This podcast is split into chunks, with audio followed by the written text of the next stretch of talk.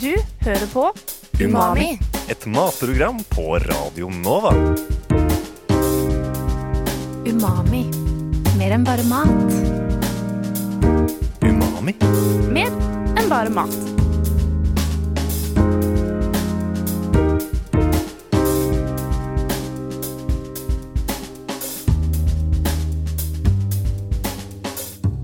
Umami. Mer enn bare mat. Velkommen skal du være til denne siste sendingen med Umami. eh, For denne sesongen, i hvert fall. Eh, Mitt navn er Henrik Evensen, og mm, jeg har også med meg Miriam eh, her. Hei, Henrik. Det er vi to som står bak dette programmet. Vi har lagd samtlige episoder. Ja. Um, og vi tenkte å kjøre en litt sånn oppsummering av uh, semesteret som har gått. Spille litt uh, klipp uh, og noen stikk som vi uh, vil trekke fram liksom, som essensen av umami eh, for dette semesteret. Så det første vi skal høre, er eh, rett og slett fra den første sendingen. Det som startet det hele. Mm. Eh, og eh, temaet var eh, umami. Hva er umami?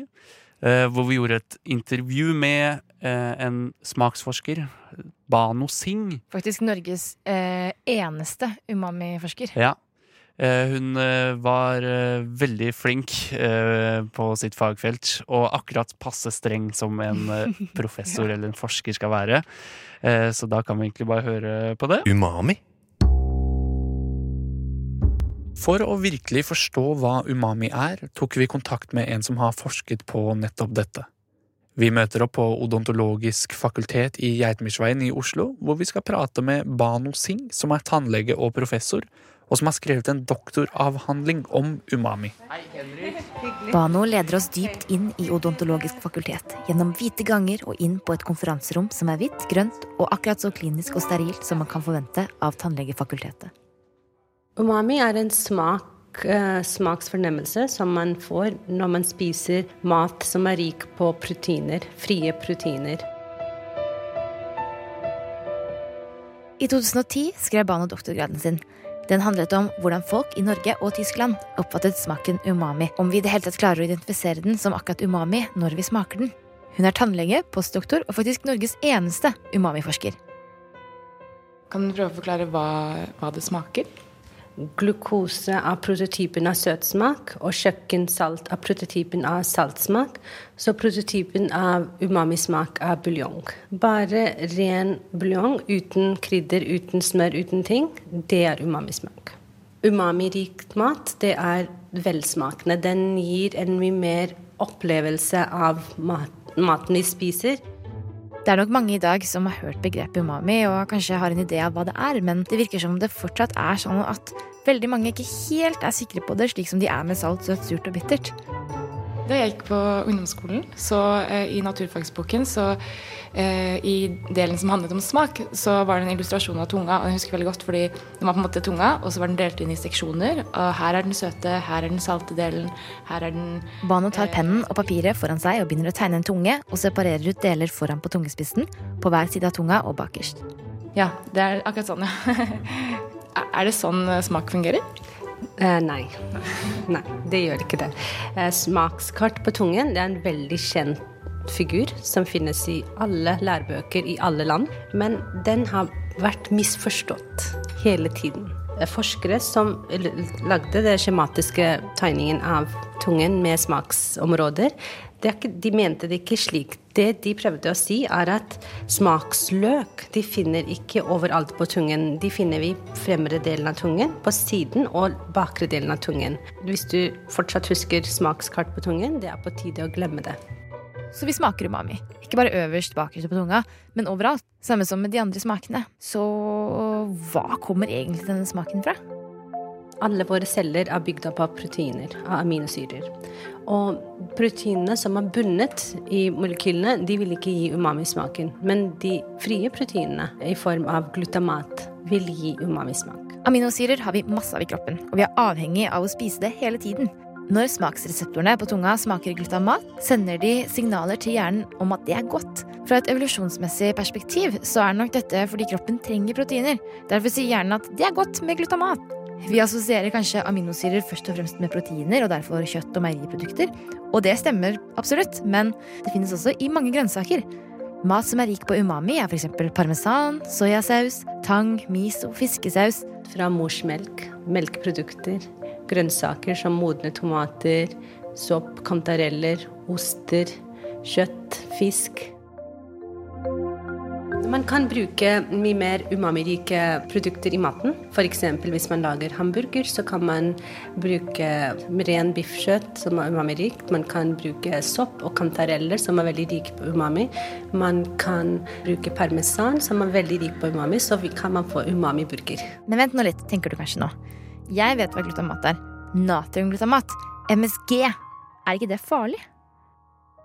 Det er ikke farlig i det hele tatt. Det fins ikke noe vitenskapelig bevis på at natriumglutamat, også uh, kjent som monosodiumglutamat, MSG, det er ikke farlig. Kroppen vår er full av glutamat. Det er et veldig, veldig viktig protein i kroppen. I alle celler, i hjernen og hele kroppen. Hvorfor er det så mange som tror at det er farlig da? Søker man opp MSG i Google, så kommer det opp artikkel etter artikkel om hvor skadelig det er både for hjernen og helsa. Det er faktisk ikke så lett å si hvorfor det har blitt sånn, men én grunn kan kanskje være myten eh, om det kinesiske restaurantsyndromet. Noen hevder at etter at de hadde vært og spist kinesisk, fikk de forkjølelseslignende symptomer med svimmelhet, kvalme og slapphet. På 60-tallet kom media inn på banen med hjelp av New York Times, som feilaktig annonserte at MSG gjorde deg dårlig. En rekke forsøk ble utført, men disse ble senere motbevist av flere hold. Til den dag i dag finnes det ingen forskning som støtter at det er MSG eller kinesisk mat som kan linkes til slike symptomer, men folk er fortsatt ikke overbevist. Hvis en person veier 75 kilo, så er to kilo av kroppsvekta glutamat. Eh, derfor er det ikke noe farlig å spise eh, glutamat, tilsette glutamat i maten. Jeg vet at Toro har fjernet MSG fra produktene sine. Men Toro har også sagt at det er ikke farlig, men vi gjør det fordi kundene våre ønsker det. Det er da kanskje ikke farlig. Derimot så peker Bano på at det er som med alt annet, moderasjon er viktig. Selvfølgelig, hvis du spiser skjeer fulle av salt, så er det toksisk. På samme måte, hvis man spiser for mye av glutamat, så er det farlig.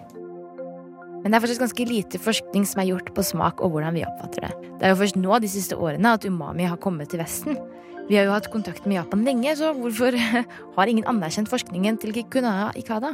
Det har med akademisk kolonisering å gjøre. Umami er en smakskvalitet som ble identifisert av en japansk forsker i 1908. Eh, men vi, vestlige verden har vært veldig Nei, det, det, vi vet, det er best. Det har vært sånn. Men uh, den, her, den er nå etablert som den femte smakskvaliteten. Så det er på tide med akademisk avkolonisering av umamismak. Det er på høy tid, absolutt. Og vi har alt å vinne og ingenting å tape, virker det som. Ikke bare får vi bedre mat av å bevisst inkorporere umami, det kan også ha en hel del andre implikasjoner. Hvis man er mer bevisst på å bruke umami, kan det føre til at det reduserer saltinntak. Det kan også uh, føre til at man bruker mindre fett i maten. Fordi ofte, mm, f.eks. folk som røyker, de, hos dem så dør smakspapilla på tungen. Og da har de tendens til å bruke mer eh, fett i maten, ketsjup, krydder i maten, for at det skal smake mer. Og da kan man heller ta glutamat. Du hører på Umami på Radio Nova. Ja, det var sånn det gikk da vi snakket med smaksforsker Bano Singh om umami. Eh, og i den episoden, altså vår første episode, eh, så testa vi også litt forskjellige ingredienser som inneholder eh, mye umami. Mm, blant annet sånn sopp, eh, sektsopp alene og eh, tomatpuré. Og vi kjøpte jo også sånn ren MSG. Eh, som man kan få kjøpe på sånn asiatiske butikker, f.eks. på A-marked. Og liksom testet de opp mot hverandre. Mm. Har du brukt det noe særlig senere? Nei, jeg har ikke det. Og jeg tror det er litt sånn Jeg tror jeg fortsatt sitter litt, det sitter litt inni meg, fordi jeg, har lenge trodd at det liksom skal være farlig, da. Så jeg, altså, kanskje dere føler at det er litt juks? Ja. ja altså øh, Jeg ble litt sånn overraska at det var så lett å avlive myten om at uh, eh, MSG er farlig, fordi jeg har altså lest det mange ganger. Uh, altså, uh, det er liksom folk flest som har hørt om umami, tror også at det er eh, giftig. Ja. Og så er det liksom ikke noe hold i det i det hele tatt. Nei, ikke sant? Eh, og liksom helsefordelene kan være ganske mange av, av kanskje bytte ut salt og fett med det, så Ja, ja. Og så smaker det bare digg. det gjør det. Eh, vi smakte jo også på Max Burger sin uh, umami halloumi-burger, som jeg ikke hadde smakt før, men det er liksom blitt min nye sånn fastfood-favoritt. Ja, Altså. Den er så sykt god. Ja. Hvis du ikke har spist den allerede, så gjør det. Um, neste, neste høydepunktet vi har eh, valgt ut, er fra uh, da vi testet eh, Tim Wendelboe sin eh, kaffe, eh, sammenlignet med den kaffen de selger hos Starbucks. Mm. Vi eh, kan vel si at det var to vidt forskjellige klasser. Ja. Selv om prisen var nokså lik. Det er rart at de skal, eller, mm, være det samme, de skal visstnok være det samme, men de har veldig få likheter, egentlig. Veldig få likheter. Eh, så da kan vi egentlig bare høre på det nå. Etter å ha ventet noen minutter utenfor Tim Wendelboes kafé og nytt noen av vårens aller første solstråler, får vi servert hver vår kopp med håndbrygget kaffe på et trefat av en barista som gladelig deler av sin kunnskap. Ok, så Som dere ser, så har jeg ikke puttet så mye kaffe i koppen. Nei. Grunnen til det er at jeg tillater kaffen å kjøle seg ned fortere. Og med en gang kaffen kommer ned i temperatur, så kommer smakene veldig mye tydeligere frem.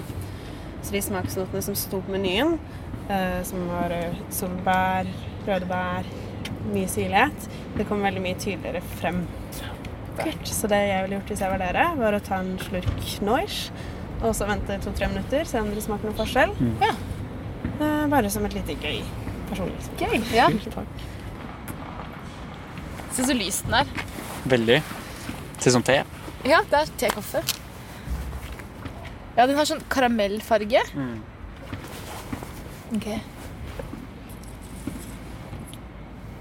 Utrolig velsmakende. Veldig Mm. behagelig. Og det var på en måte Jeg skjønner hva hun mener med at den er bitter, men når jeg tenker på bitter kaffe, så er det på en måte ikke Jeg tenkte det var mye Ja, jeg assosierer det mer sånn eh, ja, kaffe jeg drikker, da. Mm. Men det her var en veldig sånn behagelig bitter. Ja, veldig deilig. Mm, Hun har jo pressa det her for hånd for oss, da. Ja. Så hun får jo en sånn kontroll over kaffen som man ikke får med kaffedrakter. Mm. Det er ikke noe man kan regne med å få på hvilken som helst kafé, da. Nei. Det er det ikke. Nei. Og det er ikke noe gærent med det er ikke noe gærent med den tradisjonelle filterkaffen eller på noen som helst måte. Nei. Vi er glad i den begge to, men Ja. dette er jo en annen opplevelse. ja. Hvis du hadde vært rik, tror du at du hadde druk, kjøpt all kaffen din her? Det, ja, altså, dette er jo veldig godt, men jeg er veldig interessert i kaffe og nysgjerrig på det, så det er tanken på å slå seg til ro med at man skal drikke kaffe fra ett sted Ja. resten av livet, frister ikke så mye. Det er mer spennende å oppdage litt forskjellige ting. Ja. Eh, og jeg selv bruker altså Aeropress hjemme, så jeg syns det er gøy å på en måte smake her, og så prøve å kanskje på en eller annen måte gjenskape det hjemme. Så å bruke bønner herfra kunne jeg absolutt tenke meg.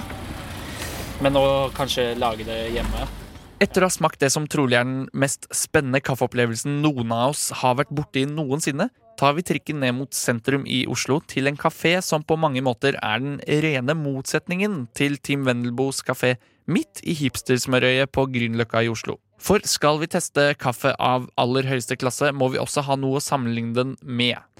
Turen går dermed til Starbucks kafé i Torgata, hvor vi bestiller en såkalt liten kaffe på deling. Jeg blir kanskje åpen. Den er sykt varm. det, det var en veldig stor kaffe til å være liten. Ja. Den er det. Nå er vi på Starbucks. Vi sitter utenfor eh, her også, samme som vi gjorde på Team Mandelbo. Og smaker på deres eh, filterkaffe. I motsetning til hos Team Venbo, hvor de hadde seks, eh, seks kaffer som de bruker til aeropress, så var det én type å velge mellom her en kanne. Men jeg hadde ikke forventa noe annet. Altså, det er helt uh, greit for meg. Jeg trodde de hadde to. Jeg trodde de hadde en som er liksom den mørke, og en som er den lyse. Ja. Men uh, det hadde de ikke. Kanskje de har det andre, andre utsalgssteder. Ja, kanskje. Kan okay, Ok, skal vi se. Den her er jo beksvart, Ja. eh, i motsetning til den. Den lukter veldig mørkbrent. Den lukter Ja. som brent. Uh, Ja. sånn askeaktig lukt. Kjenner du det? Mm. Det er en viss sånn fruktighet i lukta, men blanda med aske, på en måte. Ja. Men det er jo også mye av kritikken mot Starbucks-kaffe, at den alltid er for mørkebrent. Men det er også det, ja, det, er det som er gjenkjennbart. Også. Sånn, jeg lukter jo veldig fort at dette er Starbucks. Jeg tror jeg kunne luktet det selv om jeg ikke hadde visst det, liksom. Fordi den er så karakteristisk. Da. Ja, det står det faktisk litt respekt av, syns Ja. jeg, at man finner en egen uh, smak. Og åpenbart er det jo mange som elsker det. Det er jo kjempepopulært, så Nei, Vil du smake? Det var veldig varmt. Ikke noe 50 grader her. Nei. Ja, det er jo igjen det veldig mørkbrent. Smaker Smaker Det er en så tydelig brent smak. Men egentlig så syns jeg den har potensial, Ja. som blir sånn ødelagt av Ødelagt av det. Ja, nei, nå vet jeg ikke om jeg bare er partisk pga. Jeg har drukket så mye i USA med familien min fordi Ja. de drikker veldig mye Starbucks. Um, ve sånn veldig ofte. Det er bare sånn La oss dra, la oss dra innom Starbucks på veien dit eller dit, liksom. Innom uh, drive-thruen.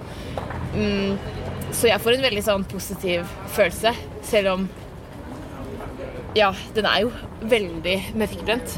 Men uh, jeg har kanskje blitt litt vant til det, da. Mm. Men man kjenner jo at klassen er Altså, det er jo en helt annen klasse på Team Vendelbo. Og det er en helt annen kunst, tror jeg. Det her er jo Den er jo masseprodusert i USA, mest sannsynlig, og distribuert rundt i hele verden, mens på Timmenbo så er den brent der. Ja, Og selges, eh, så vidt jeg vet, eh, ingen andre steder. Nei, Så det er klart det blir et annet produkt. Det skulle bare mangle. jeg tror det er Starbucks er jo McDonald's av kaffe, på en måte.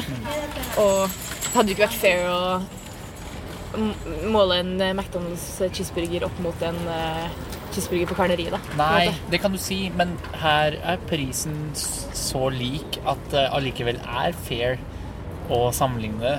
Det er sant. Fordi prisen på en McDonald's-hamburger 10-20 kroner kan det koste på billigste. eh, Versus eh, Kverneriet, som er sånn 200 kroner for en hamburger. Det er sant. Eh, nå er jeg litt sånn kresen på kaffe, da, men jeg syns dette er sånn Nærmer seg sånn Det er ikke noe jeg gidder å drikke. OK. Hvis jeg hadde kjøpt den så hadde jeg blitt skuffa, så hadde jeg ikke Jeg hadde drukket noen slurker, liksom, fordi kaffe er digg. Men uh, jeg syns ikke det er noe godt. Nei. Men fordi jeg syns det, det smaker for meg nesten som noen har stumpa røyken sin oppi, og så får du den, den uh, askesmaken. Jeg skjønner hva du mener. Som kamuflerer noe som har potensial der. Nei, jeg skjønner absolutt hva du mener. Så jeg kjøper egentlig aldri Starbucks når jeg er i Norge. Men det er jo det som er med kaffe, da. At det er liksom sosialt og I USA så har de jo en helt enorm kaffekultur. Jeg føler at jeg, det er mer der enn her i Norge. Og det å gå ut og drikke kaffe, var eller sånn, det å kjøpe sånn som Starbucks, da, å kjøpe morgenkaffen din et annet sted, altså, og ikke gjøre det å lage, bare lage kaffe hjemme eller på kontoret, er jo en ganske nytt, ny greie i Norge, men det har vært en greie i USA veldig lenge da. Um, hele den kulturen med sånne papp, pappkrus som man tar med seg kaffen i, liksom. Ja, det var lyden av siste gang Første og siste gang jeg var på Starbucks Siste? i Norge. For alltid. Ja hvis, det, det, det er ganske koselig inn på mange av Starbucks-kafeene. Så eh, eneste grunn til jeg kan se for meg å dra dit, er kanskje for å sitte og lese til eksamen eller noe. Men eh, det var lite overbevisende, det vi fikk servert der. Men kanskje en sånn frappuccino? En sånn Kirsebærfrappuccino? Ja, ja. Som er mer en milkshake, egentlig, enn Ja. en kaffe. Ja. Uh, men det var også første gang uh, jeg var på Team Elbow. Eh, Det var vel din premiere ja, også. det var det. Ikke siste gang. Ikke siste gang, på ingen måte. Men sånn det, vi snakker jo om det også. Det er ikke noe sånn hverdagskaffe. Det er det ikke. Nei. Men ta med seg eh, familien sin, vise Oslo, og så tar man en tur innom Ja, til ja. Melbo. Bare for å vise uh, hvor flott det kan være. Det er ikke så dumt. Mm. Um, vi, ja, jeg kan jo også trekke fra Altså, den kaffe, vår episode om kaffe har blitt uh, valgt ut til å representere Norsk Lokalradioforbund uh, i kategorien Årets spesialprogram. I, eh, for Pri Radio. For Pri Radio, som er radiobransjens eh, hva skal man si, prisutdeling, eller uh, Oscar-aktig utdeling. Så vi har på en måte ikke blitt nominert til selve Pri Radio enda, men vi er på en måte sånn bidraget fra lokalradioen, eller et av bidragene fra lokalradioen, Ja, som er veldig stas, da. det er veldig kult. Så nå s- skal vi liksom konkurrere mot alle, alt som er produsert av NRK og P4 og alle de store radiokanalene. Så det er veldig stas. Så den anbefaler jeg alle å sjekke ut. Eh, Men Miriam, hva, hva, liksom, hva vil du trekke fram som eh, ditt høydepunkt fra Umami denne første sesongen? Høydepunkt. um, åh, det var egentlig alle, bare alle de flotte, fantastiske, interessante menneskene som vi har møtt og snakket med. Ja. Det er så mange som bare sitter med så utrolig mye kunnskap, og det er liksom eh, blant annet sånn hun forskeren Ban Bano Singh, eh, som jeg aldri ville liksom kommet i kontakt med eller snakket med noensinne hvis ikke det har vært for at det intervjuet, da. Eller da vi var på Ila eh, i episoden om øl. Eh, noen som jobber med å selge ting til hjemmebrygg. Og liksom bare hvor mye kunnskap og, og engasjement de sitter med. Det er skikkelig, skikkelig gøy og inspirerende. Og ja, Ja. syns jeg. Jeg er helt enig. Altså, tenk det, altså, vi har fått liksom oppsøkt personer som vi aldri ville ha kommet i kontakt med hadde ikke vært for det her matprogrammet. Ja. Uh, det er veldig gøy. Og lært så sykt mye av dem. Og bare fått uh, Ja, lære av noen som kan mye, mye mer. Eh, siste klippet vi har valgt ut, er eh, Miriam sin uh, Jeg syns det er en veldig fin historie om vin. Aha. Eh, hvordan fortid, nåtid og framtid knyttes sammen gjennom denne utrolig populære drikken som har holdt seg i hundrevis av år. Eller tusenvis, for den saks skyld. Ja. Ja. Ja. Så ta oss og hør på dette. Folk flest elsker vin, og det er kult å tenke på idet man tar en sup av rødvinsglasset, at det har mennesker gjort i flertusener av år. Den deilige blodrøde drikken binder oss sammen, fortid, nåtid og fremtid. Den eldste vingården vi vet om, er fra 4100 før Kristus i gamle Armenia. I år 3100 før Kristus begynte faraoen i Egypt å lage en vinaktig drikke, som pga. blodassosiasjonene den ga, ble brukt i ritualer og seremonier. År 1200 før Kristus begynte jødene å bruke vin i religiøse seremonier også. I Hellas rundt 800 før Kristus begynner de å perfeksjonere vinlagingen. Det oppstår en vingud, Dionysus, og greske bystater begynner å kolonisere og ta med seg vinen til bl.a. Sicilia og resten av Italia. Romerne begynner å ta over, og i 146 før Kristus erobrer de Hellas og får sin egen vingud, Bacchus. Romerne planter vindruer i Frankrike, Tyskland, Portugal og Spania og i deler av Sentral-Europa. Vi kan med andre ord takke Det romerske riket for vin. Det romerske riket blir kristent rundt 380, og vin blir også da en stor del av katolske ritualer og sakramenter, og vin sprer seg videre og øker i produksjon. Vi kan altså også takke kristendommen for vin. Europas imperialisme gjorde sitt for å spre mat og oppfinnelser rundt om i verden. På 1500-tallet tok imperialistene med seg vin til Sør-Amerika, og senere spredde det seg også oppover ettersom imperiene ekspanderte. På 1500-tallet tar også portugiserne med seg vin til Japan. Nederland koloniserer så Sør-Afrika i 1659 og tar med seg vinen dit. På 1600-tallet blir korken oppfunnet, noe som gjør at vin kan nå oppbevares i flasker i stedet for på fat eller i leirkrukker. Kork kommer fra barken på korkeiken, og det begynner i dag å gå tomt for korkeik, og mange flasker har nå syntetisk kork. Rundt midten av 1800-tallet øker produksjonen av vin i California pga. gullrushet. Til den dag i dag er California en viktig produsent av vin. På midten av 1800-tallet ble også champagne popularisert. Tidligere hadde sprudlende vin blitt sett på som en feilproduksjon og noe man ville unngå, ved f.eks. å ikke bruke grønne druer som chardonnay, fordi de var mer utsatt for refermentering. I dag er chardonnay-druen svært populær og brukes til akkurat champagne og annen mousserende.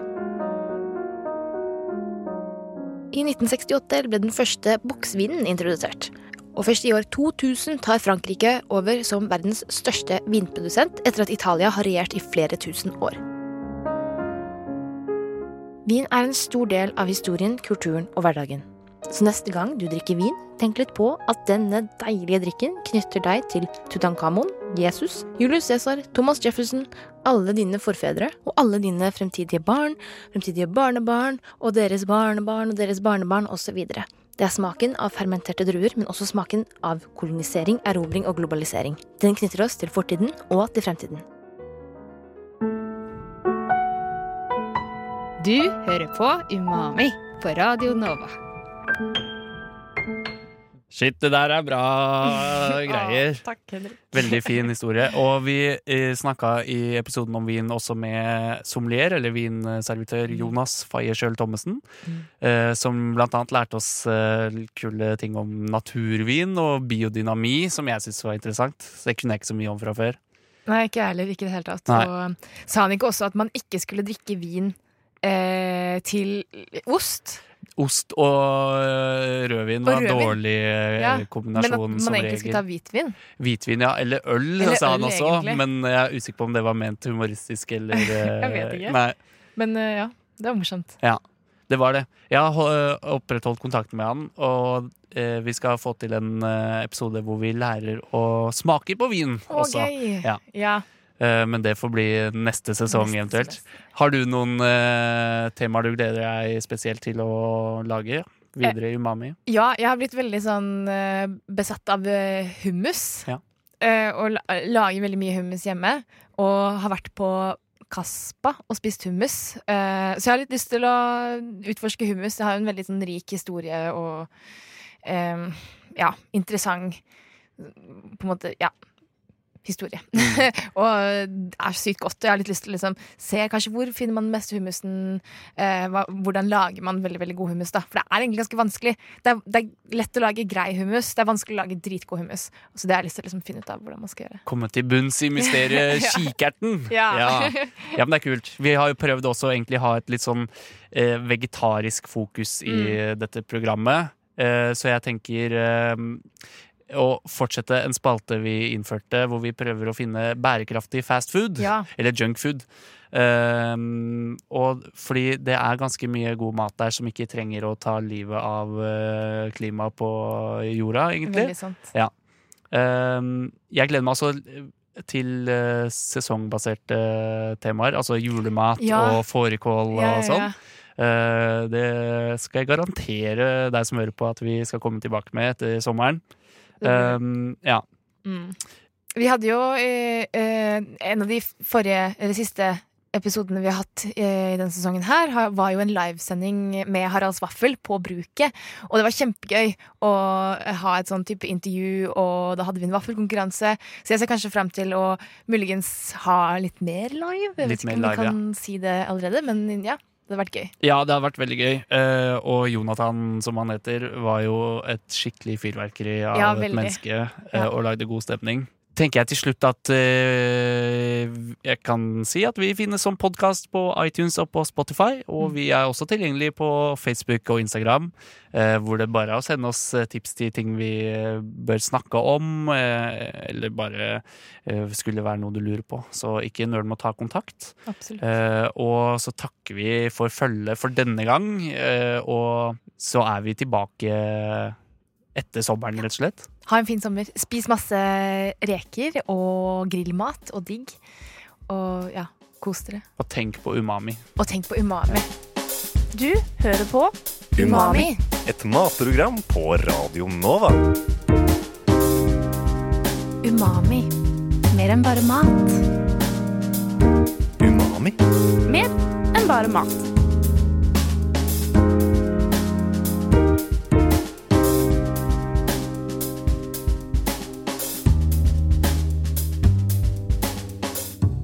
Umami. Mer enn bare mat.